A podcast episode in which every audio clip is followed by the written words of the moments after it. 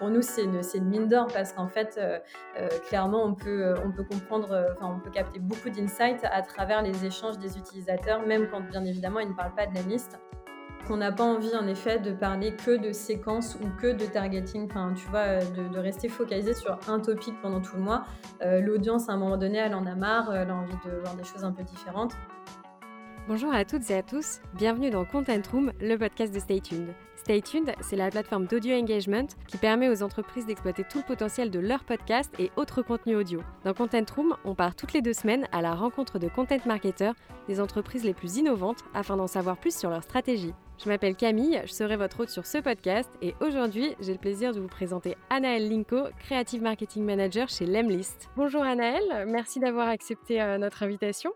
Merci Camille. Bah, écoute, je vais te laisser euh, te présenter et présenter aussi euh, Lemlist pour contextualiser un peu cet épisode. Ouais, très bien. Je m'appelle Anaëlle Linco et euh, je suis Creative Marketing Manager chez Lemlist. Je suis arrivée en septembre dernier, donc euh, j'ai l'impression que ça fait euh, mille ans que je suis chez Lemlist, alors qu'en fait, c'était il y a seulement quelques mois.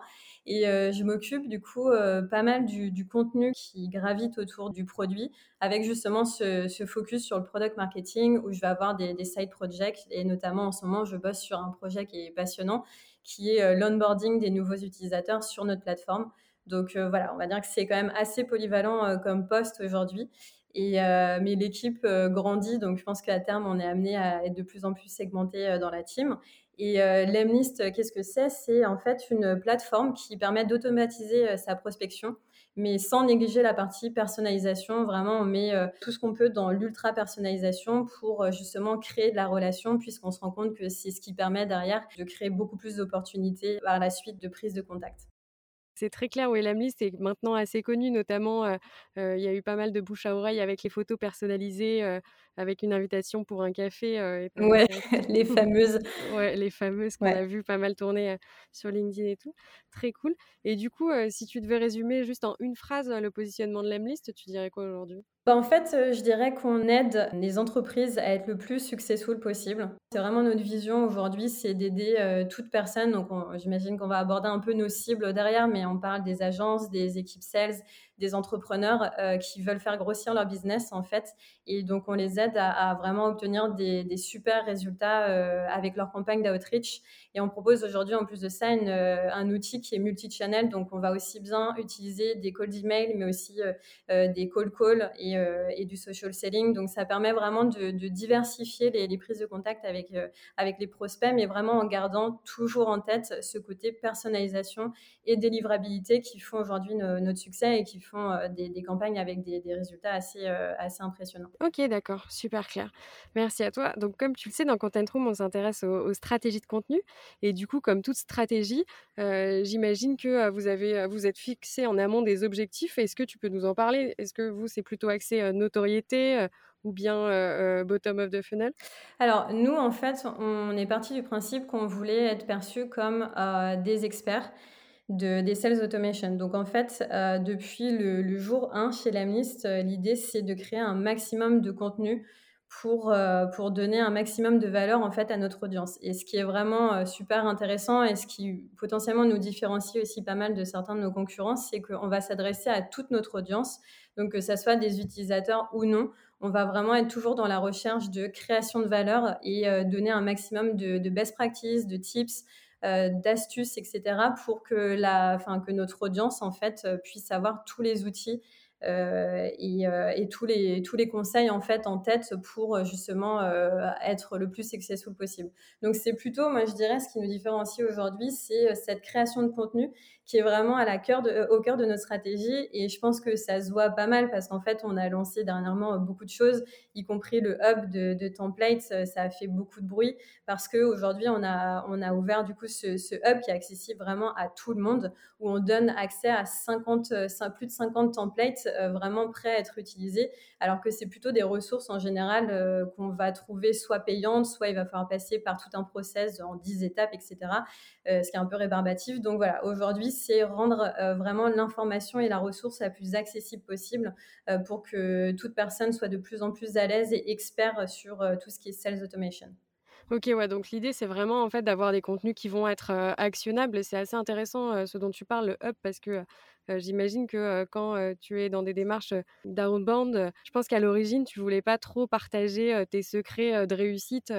avec les autres, quoi. Tu voulais plutôt les garder pour toi parce que tu sais que une personne, elle va pas répondre positivement à tous ces emails outbound et si elle le fait avec toi, bah, elle va peut-être moins prendre de temps sur un autre avec quelqu'un d'autre. Quoi. Ouais, tout à fait. C'est, exactement ça. C'est en fait à la base quand, quand quelqu'un voit qu'il y a un copywriting qui a plutôt bien marché, une approche qui a plutôt bien marché, la tendance, forcément, comme c'est un monde qui est extrêmement concurrentiel, c'est de garder ses best practices et, euh, et, du coup de pas du tout les partager. Et vraiment, nous, on prend ça complètement à contre-pied.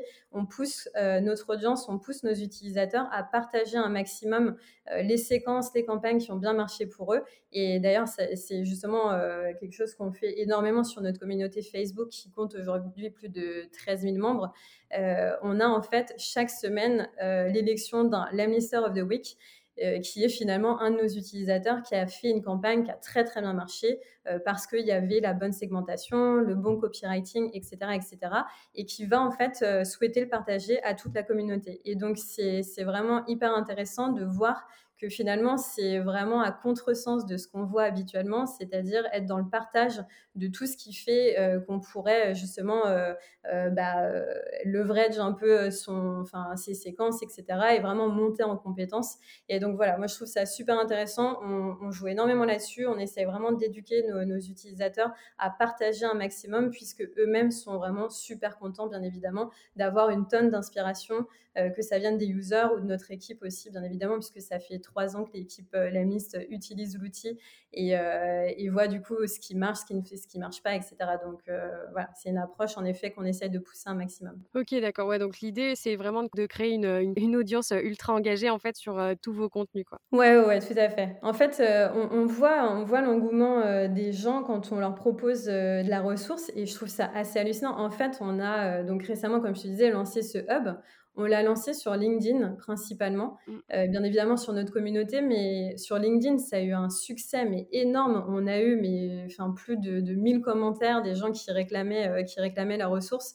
Euh, et, c'était assez hallucinant parce qu'en fait, on ne s'attendait pas à avoir autant de succès avec cette ressource parce que, bah, en général, les gens sont peut-être pas suffisamment curieux, curieux pardon, pour aller voir euh, de quoi ça parle, etc. Et, finalement, ce succès, il est, il est dû au fait que je pense qu'aujourd'hui, la ressource, elle n'est pas forcément facile à trouver. Pourquoi? Parce qu'il y a beaucoup de choses aujourd'hui sur Internet. Euh, on n'a pas forcément trop le temps. Donc, quand on commence à cliquer sur un site et qu'on voit qu'en effet, il faut remplir euh, cinq, étapes, envoyer son adresse mail, etc., pour obtenir une ressource, c'est un petit peu décourageant. Et donc, euh, encore une fois, le fait d'avoir ce type de ressources hyper actionnable, comme tu le dis, qui est vraiment, on donne quelque chose, on, on, mâche un peu le travail, mais tout simplement pour donner de l'inspiration, euh, faire en sorte que nos users euh, prennent confiance pour eux-mêmes en fait faire des, séquences à succès derrière. On voit finalement que ça marche énormément et donc on va rester dans cette dynamique de toujours proposer euh, ce type de contenu très actionnable et accessible surtout à tout le monde. Ouais, ouais, c'est super intéressant, surtout que oui, comme tu le dis, aujourd'hui il y a beaucoup de choses sur Internet, sur Google, tu te retrouves à avoir des articles qui vont ranker sur ce que tu recherches, mais ça va pas forcément correspondre à ce que tu veux. Et du coup, tu vois, moi je sais que j'ai le réflexe plutôt d'aller sur la communauté Growth France pour trouver la réponse, poser la question. Et là, c'est vrai qu'il y a aussi des gens qui vont pousser des contenus un peu actionnables avec des exemples comme, comme vous, vous le faites. Donc ça, c'est très chouette. Ouais, et, notamment, enfin, j'ai encore un exemple parce que c'est récent, c'était la, c'était la semaine dernière, mais on fait aussi beaucoup de vidéos parce que bah, forcément, c'est un, un, format qui est très apprécié, c'est facile, c'est facile à consulter, etc. et le dernier en date, on donnait des tips en fait sur la façon de prospecter avec LinkedIn. Et, je trouve ça hyper intéressant de, voir encore une fois euh, bah, l'engouement des gens, l'engagement qu'on a pu faire au sein de notre communauté avec ce type de vidéo, parce qu'en fait, on, on, voit bien qu'en effet, c'est des sujets euh, de prédilection euh, au sein de la communauté. Les gens qui font de la prospection ont besoin, bien évidemment, avant de lancer leur campagne, de, de, targeter en fait et d'aller trouver leur cible, d'aller récupérer des listes de contacts. Et ça, aujourd'hui, euh, on va vraiment sur ce terrain-là. Pourquoi? Parce que même si c'est en amont de l'outil, c'est partie intégrante de la prospection. Et, euh, et voilà, et c'est un peu encore dans ce, dans ce rôle d'expert, notre devoir un peu d'aller éduquer et faciliter, euh, faciliter toutes ces actions pour en fait faire gagner un maximum de temps et surtout faciliter la vie des, des gens en fait. Ok, ouais, très clair. Donc du coup, votre cible euh, principale vont être les commerciaux, les biz-dev, tous ceux qui font euh, la, prospection. Oui, c'est ça. On a, euh, en effet donc une grosse partie de, de notre cible qui, sont les, équipes sales. plutôt des petites et moyennes entreprises aujourd'hui. Et, on a aussi beaucoup d'agences, par exemple des agences de lead gen, qui elles-mêmes utilisent l'outil pour leurs clients. Euh, donc leurs clients qui viennent d'industries complètement différentes et aussi énormément les entrepreneurs, les freelances qui veulent, euh, qui veulent aller récupérer leurs premiers clients et faire grossir leur business. Ok, super clair. Ok. Et ouais, du coup, au niveau de, de, votre ligne édito, du coup, c'est se placer un peu en, expert de, de l'outbound et avec voilà des contenus toujours ultra actionnables, en gros, si je résume. Ouais, ouais, ouais tout à fait. C'est vraiment ça. C'est comment devenir successful et gagner du temps avec, avec de l'outbound ultra personnalisé. Et encore une fois, avec aujourd'hui la possibilité de faire du multicanal. Euh, ce qui n'est pas forcément le cas encore euh, trop sur le marché, d'avoir une plateforme vraiment tout en un où tu peux vraiment euh, diversifier tous les, tous les points de contact, tous les, tous les canaux pour aller, pour aller communiquer avec tes prospects. Quoi. Ok, et du coup, tout ce qui est, tu vois, plutôt contenu avec aussi la, la, chaîne YouTube de Guillaume, où est-ce que ça, ça va plutôt se passer? Est-ce que ça va être plutôt un créneau peut-être entre guillemets, vraiment avec des guillemets, hein, de divertissement, d'inspiration Parce que là, ça va être moins actionnable au final, par exemple, comme la dernière vidéo qui a méga buzzé dans, dans, les médias même grand public. Oui, tu parles du coup de la, de la levée de fonds qu'on a refusée, c'est ça, Guillaume? Ouais. Ben, en l'occurrence, Guillaume mmh, comme il a eu un parcours super intéressant et qu'aujourd'hui, Lemlist remporte quand même beaucoup de succès, alors même qu'on fait, par exemple, on, on fait pas du tout de pub payante, tu vois, on, on rentre pas du tout là-dedans. Donc, c'est une stratégie qui, qui a super bien marché pour nous de, de rien faire de payant, de vraiment se concentrer sur la proposition de valeur euh, et donc, c'est un peu cette dynamique de se dire, OK, en plus de ça, donc on est bootstrappé, en fait, c'est-à-dire qu'on n'a jamais levé de fonds, etc. Et on y arrive.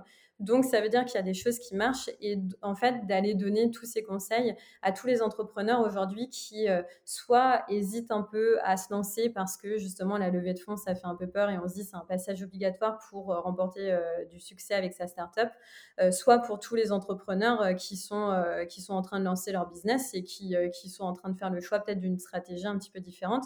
Et donc, je trouve que ça vient complètement alors, ça vient bien évidemment euh, augmenter la visibilité de l'Emlist puisque Guillaume euh, commence à avoir vraiment une grosse audience et bien évidemment, euh, il, mentionne l'Emlist comme un des outils qui permet de faire grossir son business.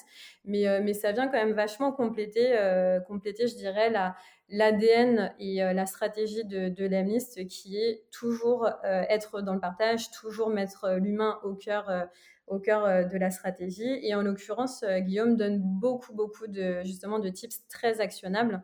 Euh, il fait notamment justement beaucoup de vidéos où il va donner un peu toutes ces pratiques qu'il a au quotidien, lui, pour, pour gérer justement une boîte mail qui désemplit jamais, pour gérer de la prospection ou du networking sur LinkedIn. Enfin, toutes ces choses qui finalement sont très actionnables et peut-être un peu plus, en effet, orientées vers les entrepreneurs et, euh, ou toute personne qui, euh, oui, qui souhaite lancer son business. Ok, ouais, bah là, tu viens du coup de mentionner le côté transparence. En effet, ça fait sens parce que cette vidéo, enfin, ça a vraiment été ultra transparent sur la démarche de l'Emlist et, et, tout le côté business de l'Emlist. Donc, c'est super intéressant et je vois ça, ça met aussi en avant. Enfin, la transparence, on le retrouve aussi dans ce que tu disais précédemment. Du coup, c'est très intéressant. Et pour rentrer un peu plus dans le vif du sujet, tu parlais tout à l'heure de la communauté, la Lemlist Family. Est-ce que tu peux nous en parler un peu plus? Alors, il me semble que vous l'aviez créé de base, enfin, avec grâce à AppSumo, avec des, des deals, des live deals un peu, non? Oui, c'est ça. Ouais, ouais, à l'époque, ça s'était fait avec AppSumo et c'est une, une communauté qui a grossi mais énormément parce qu'en fait, bah, c'est, des gens qui étaient passionnés par les sales automation. Donc, c'est, c'est ce qui a permis de faire grossir, grossir la communauté.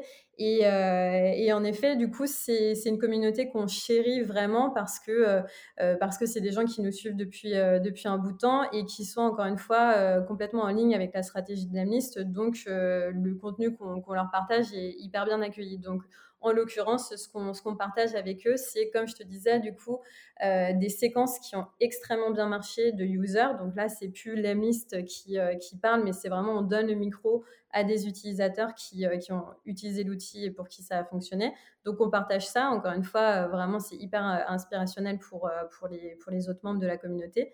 On partage aussi beaucoup de, tips, de hacks où on va venir proposer, tu vois, des, des, outils complémentaires à l'emlist qui vont permettre d'exploiter encore plus le potentiel. Donc là, dernièrement, on s'est dit, OK, on va utiliser Zapier pour créer des, justement des apps euh, pour, euh, pour faciliter euh, enfin, les workflows avec, avec la MIST, etc. Donc, c'est prendre un petit peu aussi de, distance pour se dire, OK, là, c'est des personnes, oui, il y a des utilisateurs de la MIST, mais il y a aussi, encore une fois, des, gens qui, ne sont pas encore clients et qui ont juste envie de, comprendre un peu la big picture et d'être un peu orientés. Donc, donc on, voilà, on partage tout, ce type de contenu et, et voilà. Ok, ouais, donc c'est marrant parce que ça a un double aspect, à la fois enchantement pour les clients existants et ceux qui sont en, hésitation et qui, voilà, qui sont peut-être à deux doigts de, de prendre l'Emlist peuvent voir que bah, voilà, il y a aussi une communauté, il y a de l'entraide, il y a, y a, plein de choses qui sont mises en avant pour permettre justement d'exceller. C'est ultra intéressant. Ouais, c'est tout à fait ça. Et puis encore une fois, ce qui est cool pour justement les non-clients, c'est de voir que euh, on lance des sujets où il y a débat en fait. Il y a pas, c'est pas forcément euh, à 100%. Euh, euh, il y a vraiment des, des questions ouvertes puisqu'il y a notamment des membres en effet qui postent euh, qui postent avec des, des questions, euh, des interrogations sur euh, d'autres outils. Et, et c'est super intéressant de voir justement les échanges. Pour nous, c'est une, une, mine d'or parce qu'en fait, clairement, on peut, on peut comprendre, enfin, on peut capter beaucoup d'insights à travers les échanges des utilisateurs, même quand, bien évidemment, ils ne parlent pas de la liste. Et, et pour nous, c'est d'autant plus une source d'inspiration que on a une fonctionnalité chez Lamis qui s'appelle Lemworm qui vient donc chauffer le domaine de de l'adresse mail pour justement avoir une super délivrabilité. Donc, c'est vraiment une de nos key features aujourd'hui.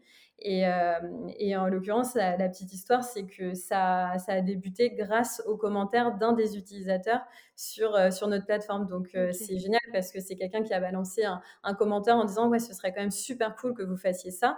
Et l'idée était juste hyper pertinente. Donc, c'est remonté bien évidemment à l'équipe dev. Et en travaillant un petit peu dessus, l'Emwarm est né. Et aujourd'hui, c'est vraiment partie intégrante de notre offre. C'est top, c'est marrant. Et du coup, oui, c'est vous n'avez pas un recueil de feedback particulier, c'est vous, vous checkez de temps en temps ce que les gens se, disent sur, sur cette page Facebook, du coup? Ouais, c'est ça, ouais.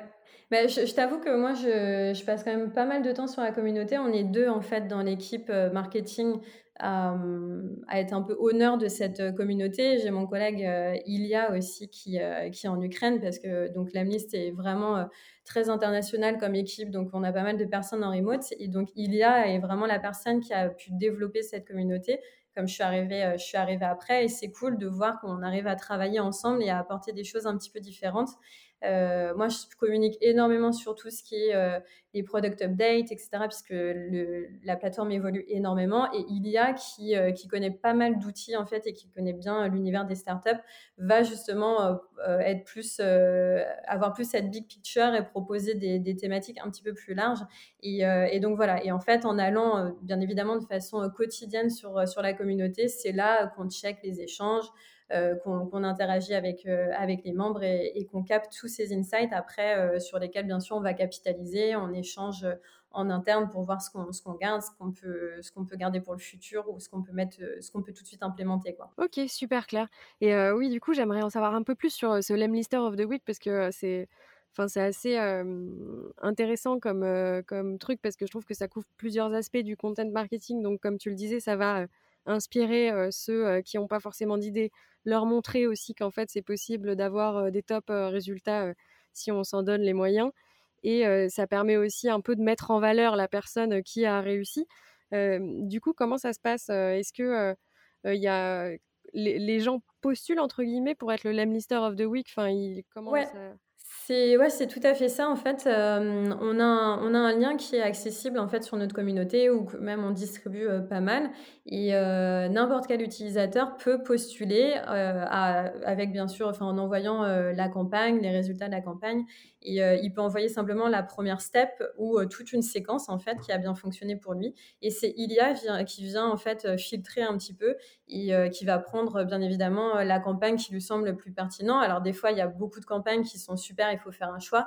Donc on essaye de varier un petit peu, comme on a des verticales qui sont différentes, on a des personnes qui utilisent notre outil pour, euh, pour booker plus de meetings, il y en a qui veulent faire un peu plus d'upsell, mais il y a aussi des personnes qui, qui utilisent pardon, pour euh, recruter des nouveaux talents, donc euh, qui sont beaucoup plus sur la partie RH, chasseur de tête, etc. Donc c'est intéressant de, de voir justement qu'on diversifie un petit peu et, et, voilà. Et chaque semaine, on a donc une verticale qui est représentée avec une campagne successful.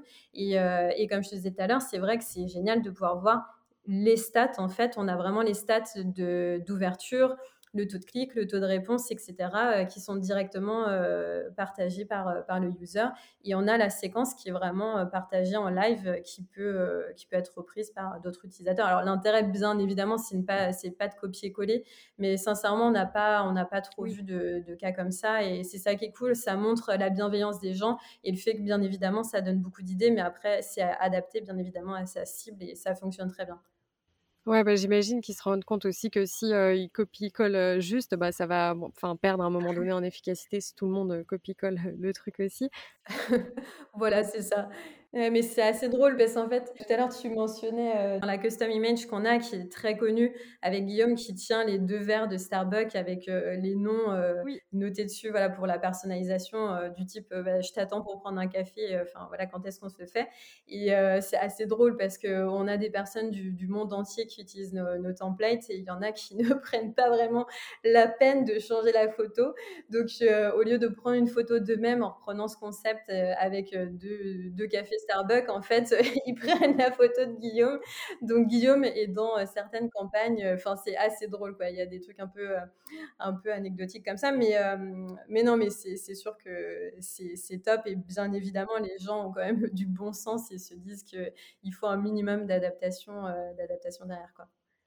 J'adore, après s'ils prennent un rendez-vous, la personne en visio se dit: «Mais attendez, c'est pas du tout vous». C'est marrant. Il y a un petit souci, tu vois? Mais donc du coup, vous traitez ces ces, exemples et ces, et ces succès par, vertical et est-ce que ce sont ces ces contenus-là dont tu t'es, enfin, dont vous vous êtes resservis pour faire le hub dont tu parlais tout à l'heure ou sont deux choses, totalement différentes? Oui, oui, tout à fait. En fait, heu, avec bien évidemment l'accord des des Lemeister of the Week, mais quand ils partagent, ils savent bien évidemment que derrière on les on leur fait aussi pas mal de promotions dans le sens où, heu, on les intègre à notre newsletter également, donc qui est envoyé à des milliers de personnes. Donc ils sont complètement OK et en effet, ça a permis de constituer, heu, une bonne partie du hub en plus, bien évidemment, de, tous les templates que nous-mêmes, euh, au sein de l'équipe, on a pu tester. Enfin, vraiment, c'est testé, approuvé. On a eu des campagnes qui ont bien marché. Donc, euh, voilà, c'est un petit peu un mix de tout. Mais, mais en effet, c'est génial de voir que c'est un cercle vertueux puisque nos utilisateurs prouvent que l'outil marche super bien et ils nous font une super pub euh, sans, forcément le vouloir. Et à l'inverse, on les promeut parce que, bah, parce que voilà, c'est hyper intéressant pour eux en termes de visibilité aussi. Quoi. Ouais, c'est top. Et puis, en plus, tu peux aussi réutiliser ces contenus. On le voit de plus en plus et tu la majorité des, des invités sur le podcast en ont parlé, euh, notamment quand ce sont été des, invités B2B, c'est qu'aujourd'hui, bah, le recyclage de contenu euh, dans les entreprises B2B, c'est un truc qui est juste euh, essentiel. Tu peux pas passer outre. Ouais, je suis complètement d'accord. Enfin, quand on voit la quantité de contenu qu'il faut par semaine, le fait de recycler des contenus existants, c'est ouais, indispensable, surtout quand tu veux bah, scaler, que tu veux voilà, gagner du temps, c'est primordial. Donc ouais, ouais, tout à fait, c'est génial pour nos systèmes. Ouais, bah ouais. Donc du coup, vous, vous prenez en gros donc la source de votre contenu sont vos utilisateurs et c'est c'est l'Emlister of the Week, enfin leur, leur réussite. et du coup, tu as dit que tu les diffusais donc sur la communauté, en newsletter, et donc tu les réutilisais dans le hub. Est-ce que tu as d'autres réutilisations ou euh, bah, écoute, c'est arrivé aussi, comme on, communique également euh, pas mal sur LinkedIn, euh, c'est arrivé qu'on les diffuse sur LinkedIn quand il y avait un intérêt. Enfin voilà, après, c'est vrai que dans ces cas-là, on rajoute un petit peu de storytelling pour, euh, bah, pour un peu le, ramener un petit peu de contexte, etc., pour que l'audience se l'approprie.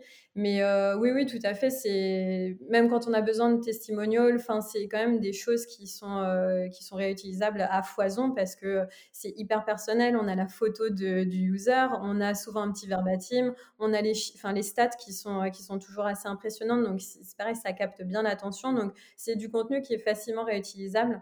Euh, et ouais, donc ça c'est top. Mais sur, sur LinkedIn, en effet, ça nous arrive. On est, euh, c'est aussi ce qui fait la particularité de, de l'Amlist, c'est qu'on fait beaucoup de personal branding et dans l'équipe, alors même qu'il y a une équipe support, une équipe dev, euh, marketing, sales, etc. Euh, on a quand même une bonne partie d'équipe au total qui, euh, a son personal branding sur LinkedIn. Et donc, ça permet, euh, de, voilà, de relayer aussi pas mal d'infos sur, ce, cette channel-là. Ok, très clair. Merci pour toutes ces précisions. Ça nous fait un bel enchaînement avec la suite parce que un des trucs depuis que on s'est accepté l'une et l'autre sur LinkedIn, je vois beaucoup, beaucoup de contenu de l'Emlist. Et en effet, là, tu parlais du personal branding. Et en fait, le contenu, enfin, c'est pas la page Lemlist que je vois, c'est en fait le contenu des, employés Lemlist. Et on en a parlé ensemble et tu m'as dit que vous aviez mis en place un système de LinkedIn Buddies. Donc j'aimerais bien que tu nous détailles un peu, un peu ça, s'il te plaît. Ouais, ouais, bah écoute, c'est c'est quelque chose qui est venu de façon très naturelle. on, a, on, a, on est plusieurs en fait à avoir commencé dans l'équipe en septembre dernier. Et, et en fait, on, on a l'équipe sales a d'abord commencé à faire un peu de personal branding et on s'est rendu compte que c'était intéressant les échanges entre l'équipe sales et l'équipe market. Parce que forcément, les sales, ils sont sur le terrain. Euh, toute la semaine, ils ont euh, des, rencontres avec les users. Il y a beaucoup d'événements qui se passent dans leur semaine sur lesquels ils peuvent capitaliser pour communiquer derrière. Et, euh, nous, on apporte souvent au marketing, bien évidemment, un peu cette, déjà une ligne éditoriale, mais donc un peu ce copywriting, euh, on essaye euh, peut-être de canaliser un peu certains, certains sujets, etc. Donc finalement, la synergie des, deux équipes était hyper intéressante. Et c'est assez naturellement que j'ai commencé à, pas mal, euh, à pas mal bosser avec Simon, du coup, qui est dans l'équipe Sales. et à bosser pas mal sur ses, sur ses posts LinkedIn. Et on s'est rendu compte que c'était déjà un gain de temps parce que lui, il, était plus en mode, OK, bon, je, sélectionne mes idées, euh, j'ai des, choses intéressantes à raconter, voilà mon draft. Euh, et, moi, je prenais le relais sur la partie un peu plus mise en forme. Et, euh, finalement, en fait, ouais, on gagnait du temps. les idées étaient plus catchy, c'était basé sur des choses réelles qui se passaient dans leur semaine et qui étaient donc hyper actionnables en fait pour leur audience, qui sont donc forcément des, plutôt des biz dev, etc. Euh, donc voilà, en fait, on s'est dit, c'est trop cool cette synergie entre les deux équipes. Ça s'est fait euh, super, euh, super rapidement. Et il y a eu quand même une deuxième étape à ça, c'est que forcément, on est plusieurs personnes au market, plusieurs personnes au sales. et on pensait au début qu'on allait sûrement tourner et que chacun allait bosser un petit peu avec tout le monde pour bah, pas rester justement dans, dans une sorte de routine, etc. Mais on s'est aperçu que bosser en duo, c'était quand même hyper, hyper cool parce que forcément, en fait, plus tu avances, euh, bah, plus tu te mets d'accord sur un process, donc encore une fois, gain de temps. Et c'est surtout que moi, l'idée, c'était qu'à terme, je respecte euh, vraiment le ton employé par, euh, Simon. Et donc, forcément, avec l'habitude de bosser avec une personne, ça, vient plus naturellement. Et, donc, c'est comme ça que ça s'est fait. Donc, j'ai commencé à bosser énormément avec, Simon sur ses posts. Et il a même fait un, post LinkedIn pour parler des LinkedIn Buddies qu'on était. Et euh, ça a remporté un, succès de, fou. En fait, à l'époque, il faisait, il faisait, enfin, on faisait des, posts avec des engagements à, euh, je sais pas, une cinquantaine de, likes. Et là, c'est un, un post qui a eu à peu près 300 likes où euh, on voyait plein de plein d'entreprises en fait et plein de collègues taguer leur propre euh, enfin leur propre équipe sur ce poste pour essayer d'implémenter ça euh, chez eux quoi donc c'était hyper encourageant et on voit dans la pratique que c'est quelque chose qui fonctionne bien ouais. Ok et du coup au niveau de l'organisation donc comment est-ce que vous avez scalé ça? Comment vous l'avez appliqué à toute l'équipe? Tu vois enfin vraiment très concrètement, en gros, euh, comment vous avez défini les duos? Est-ce qu'il y avait certaines règles à respecter euh? Alors, on a fait ça, euh, on a fait ça vraiment à la cool, c'est-à-dire que bah, Simon et moi, comme c'est un peu de là qu'est venue l'idée, on a continué à bosser ensemble. Et, l'équipe, en effet, a grossi. Et tu vois, ma collègue Lucille a bossé avec Marwan qui est arrivé quelques temps après. Et ça s'est fait naturellement parce que finalement, c'était comme ça qu'étaient constituées les équipes. Et, et, ça a super bien marché. Après, bien sûr qu'on était ouvert à changer parce qu'il faut aussi que l'approche, la vision et le ton employé, tu vois, ça match parce que c'est vrai que c'est un peu compliqué quand tu n'as pas du tout la même approche que, que ton buddy, enfin, que ton buddy, tu vois, ça marche pas bien. là, c'est super bien tombé. Donc, euh, il y a deux duos qui se sont formés comme ça. Par contre, je suis assez, euh, enfin, je suis assez d'accord. En fait, on n'a pas les mêmes façons de travailler et on a laissé la liberté à chaque duo de bosser comme il, comme le souhaitait. Euh, en l'occurrence, Lucille et Marwan sont sûrement plus organisés que nous, dans le sens où ils font ça pas mal par batch. Donc, ils se posent en début de semaine, ils font un lot de posts LinkedIn sur lesquels ils se mettent d'accord et euh, avec vraiment bah, forcément des, des un reach à atteindre, etc., etc. Et surtout varier les différents euh, topics pour avoir couvert quand même euh, plusieurs topics sur le mois. Et, donc voilà, donc c'est souvent préparé en avance. Comme ça, après, Marwan a une liste de posts qui, sont déjà prêts pour pouvoir les, lancer. À l'inverse, Simon et moi, on a fait ça de façon un peu plus spontanée. Dans le sens où quand il avait des, sujets intéressants qui lui venaient à l'esprit, il m'envoyait son draft et puis, euh, j'avais 24 heures, en fait, pour... Enfin, j'ai 24 heures pour le relire, euh, le, pimper un petit peu et du coup, se, faire un petit call pour débriefer ensemble et qu'il soit prêt pour être lancé. Donc, c'est plus au compte-goutte, tu vois, avec, euh, avec Simon, tandis que, que Lucille, c'est quand même plus organisé. Et c'est normalement comme ça pour tout ce qui est social. Enfin, social, on sait très bien que, que c'est plutôt par l'eau qu'il faut fonctionner parce qu'on se fait vite déborder, puisque quand on commence à, à publier sur des réseaux, euh, il faut vachement de régularité et c'est pour moi ce qui est le plus difficile à tenir. Donc, euh, je conseillerais fortement l'organisation de, de mes collègues. Ouais, d'accord. Du coup, au final, il n'y a pas forcément de règles pour que ça fonctionne. Il faut juste que le, le, duo soit aligné et que ça matche. Euh, par exemple, si toi, tu avais été plutôt avec Marwan, ça aurait peut-être pas marché parce que lui a plutôt besoin de travailler en mode batch et inversement avec Lucie. Ouais, tout à fait. Je pense que c'est tout à fait ça. C'est et le ton parce que euh, voilà, c'est vrai que Simon et moi, on a le même sens de l'humour et je t'avoue que ça a fait partie de la stratégie en fait. À un moment donné, on s'est dit OK, on voit que les personnes, euh, tu vois, réagissent en fait quand euh, quand je viens un peu euh, piquer euh, Simon ou que Simon fait des petites blagues, euh, enfin où il y a des sortes de private jokes, mais qui sont bien évidemment là pour, pour que ça fasse un peu, ça, capte l'attention et que ça fasse un peu rire. Et du coup, tu vois, tu as eu cette dynamique, pareil, où on, a commencé un peu à se clasher gentiment dans, dans, les commentaires des posts. On a vu que les gens réagissaient à ça et on s'est dit, ok, c'est cool, enfin, ça permet aussi d'avoir un peu plus de visibilité, ça permet d'être peut-être un peu plus catchy, etc. Donc on l'a vraiment intégré à notre stratégie et c'est comme ça que ça a évolué avec le temps et ça change euh, tout le temps. Mais je suis d'accord, c'est et le ton et bien sûr l'entente entre, entre collègues qui facilite grandement la rédaction du, du poste, mais aussi une question de, process et d'organisation. Et Lucille et Marwan sont plus, euh, ouais, un peu plus carré en termes d'organisation, donc ça a fité euh, super. Quoi. Ok, ouais, donc au final, bah, le secret, là, comme tu dis, c'est de mettre un peu en avant votre personnalité. Si vous êtes plutôt du, du, style à vous piquer euh, et, à, et à, rigoler entre vous, euh, c'est normal que ça fonctionne parce que ça paraît vrai. Tu vois, les gens un peu plus sérieux, je pense qu'il faut peut-être pas forcément qu'ils aillent là-dessus. Et c'est bien parce que je trouve qu'en mettant la, personnalité de, de chaque employé et tout, ça met vraiment en avant le côté ça, ça humanise vraiment, euh, tu vois, le B2B votre entreprise et ça va très bien avec euh, votre euh, un peu catchline qui est B2B doesn't have to stand for boring to boring?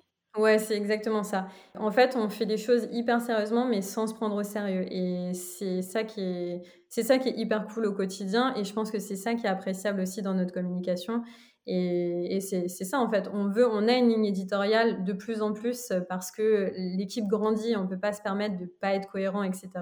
Et à la fois, on laisse complètement euh, le ton, euh, enfin la personnalité de chaque personne ressortir parce qu'on trouve que c'est ça qui est enrichissant. Et surtout, personne dans l'équipe n'a vraiment la même audience. Donc ça reste intéressant de toute façon d'avoir euh, des, des, tons euh, différents en fonction de, des différents euh, réseaux. Et du coup au niveau de la, la, ligne un peu éditoriale des posts, enfin que enfin du calendrier édito plutôt, est-ce que c'est en fonction de Enfin, est-ce que les duos doivent parler en même temps des mêmes choses ou c'est plutôt en fonction des retours clients de chacun? Parce que c'est ça aussi qui est bénéfique, c'est que je pense que la relation market commerciale s'en trouve encore meilleure parce qu'il il y a plus de retours un peu informels du côté des commerciaux vers les marketeurs euh, Ouais, alors c'est vrai que bah, toujours dans l'idéal, on a des topics qu'on souhaite couvrir sur le mois. Parce que, parce qu'on n'a pas envie en effet de parler que de séquences ou que de targeting, enfin tu vois, de rester focalisé sur un topic pendant tout le mois.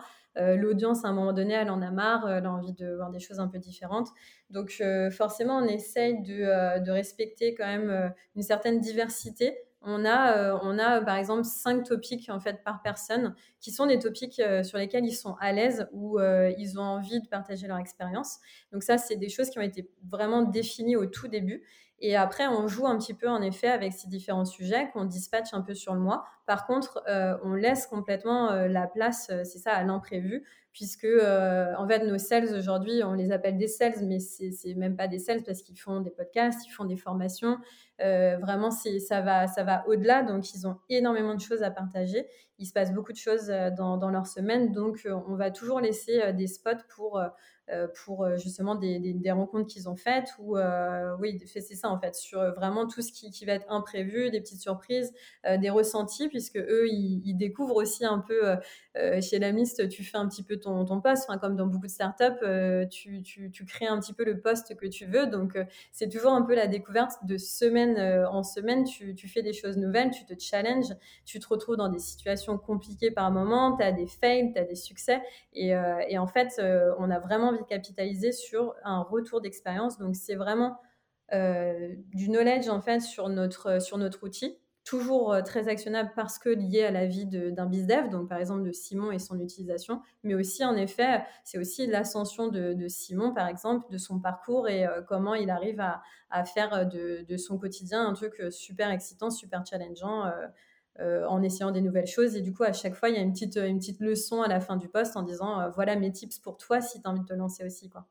Ok, ouais, top, super clair. Bah, franchement, c'est cool. Euh, et puis voir que ça, ça fonctionne, il y a une belle dynamique c'est chouette. du coup, on va pouvoir passer à la dernière partie de l'épisode qui est un peu une prise de hauteur. Donc, j'ai trois questions.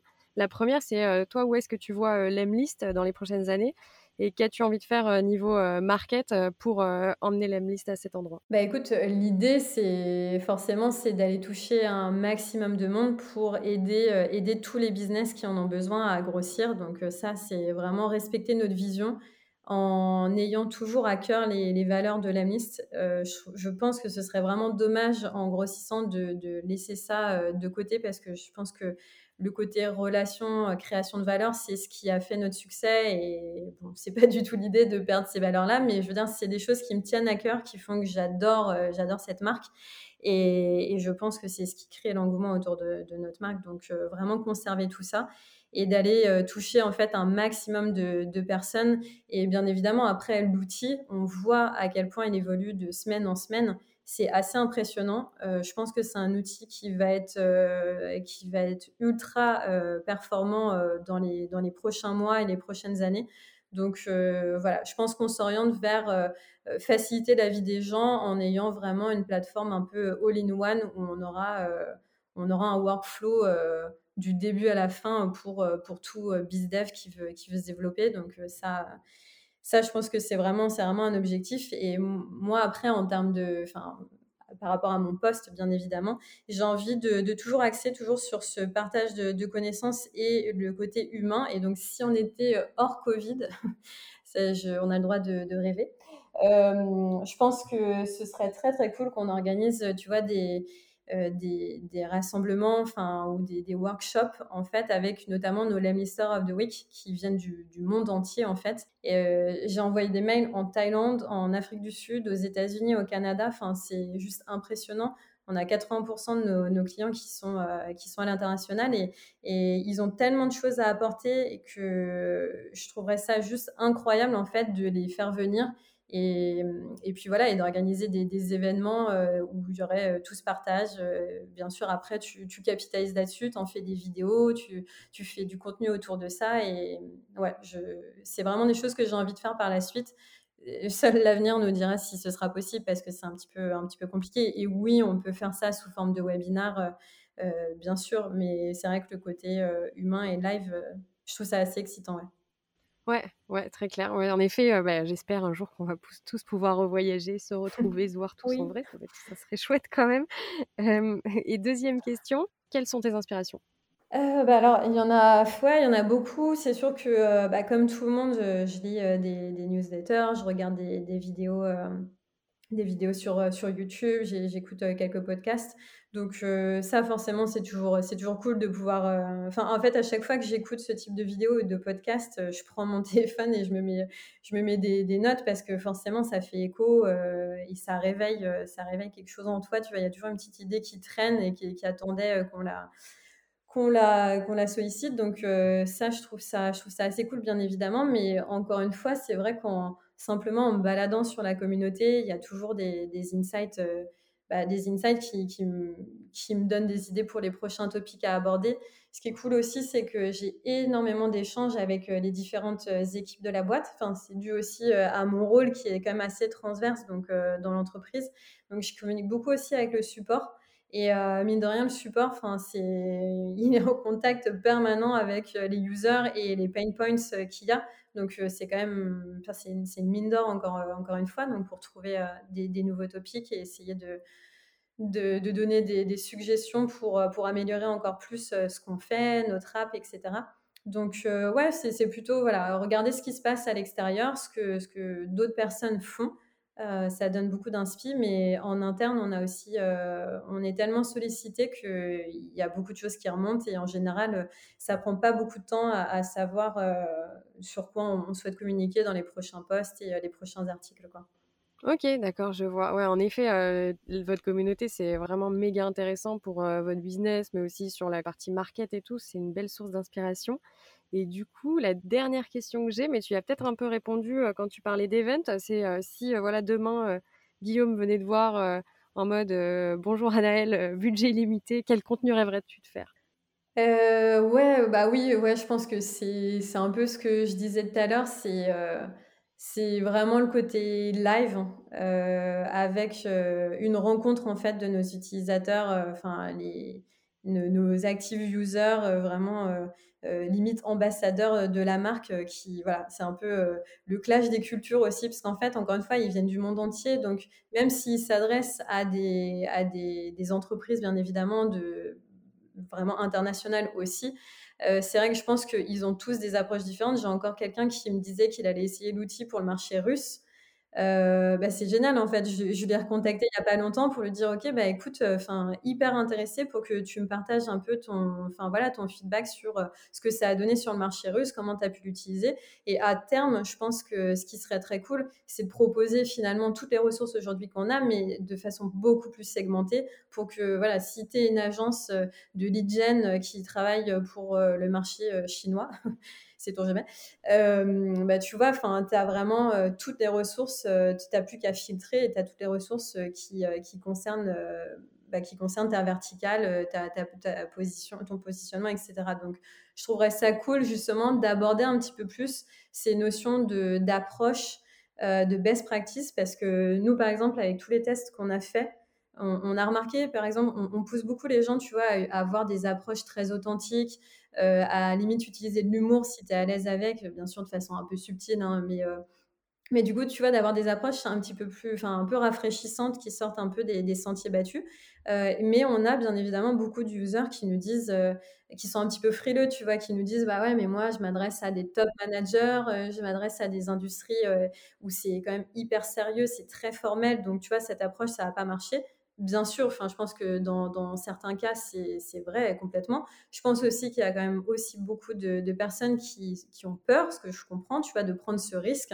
Euh, et, je pense du coup que si on, faisait un petit peu euh, un état des lieux de euh, ce qui marche en fonction des, différentes cultures, des différents pays et des différents secteurs d'activité. Ça donnerait peut-être un peu plus confiance aux gens pour, tu vois, pour se lancer, essayer des choses un petit peu plus, euh, un petit peu plus folles, euh, un peu plus créatives, parce que c'est quand même ce qu'on voit, c'est qu'en effet, c'est aussi pour ça que les gens ont besoin d'inspiration et qu'on essaye de leur en fournir un maximum. C'est parce que il y a toujours cette, cette crainte de, de l'échec qui ne devrait pas avoir lieu parce qu'en fait, quand tu fais de l'A-B testing, par exemple, tu testes deux approches. Ok, il y en a une qui marche mieux que l'autre, mais du coup, c'est génial parce que, bah, en fait, tu as toutes ces opportunités qui ont été créées qui seraient inexistantes si tu l'avais pas tenté, quoi. Donc, euh, ouais, je pense que ce serait hyper intéressant, un peu le clash des, le clash des nations. voilà, mais j'aimerais bien, vraiment, j'aimerais bien. Ok, ouais.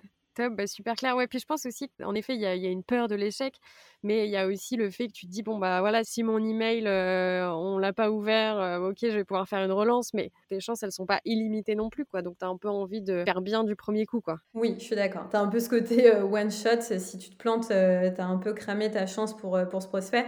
Mais bon, on sait aussi que le marché, il y a, y a, tellement de leads, il y a tellement d'opportunités que c'est pas parce que tu en loupes une euh, et puis, je pense sincèrement que, OK, tu t'es peut-être planté, mais encore une fois, si tu as une approche hyper authentique, tu peux revenir quelques temps plus tard avec toujours euh, de, la, valeur, en fait, proposer de la valeur. Et si c'est si intéressant et que c'est win-win pour la personne, pour ton lead, il n'a pas d'intérêt à, à décliner. Donc, je pense que bon, c'est pareil. Ça, c'est peut-être aussi une idée un peu reçue qu'on a. Euh, euh, de se dire euh, une fois que je l'ai tenté, je pourrais plus, je pourrais plus y revenir. Mais bon, je comprends aussi. Non, mais c'est vrai parce que la personne que tu essaies d'adresser va pas forcément se souvenir que tu lui as envoyé un mail euh, trois mois auparavant, quoi. c'est vrai. complètement. ah ouais, donc il y a peut-être quelque chose à démystifier aussi autour, autour de ça. C'est clair. Non, non, c'est clair. Ok, bah écoute, merci beaucoup Anaëlle, en tout cas pour tous ces insights et tout, c'était franchement super intéressant et très clair. Merci à toi d'avoir accepté euh, de participer à Content Room. Bah, merci à toi, c'était très cool. Merci à toutes et à tous d'avoir écouté cet épisode. Pour découvrir d'autres contenus autour du content marketing, rendez-vous sur notre site staytuned.io. Sur ce, je vous dis à dans deux semaines pour un nouvel épisode de Content Room.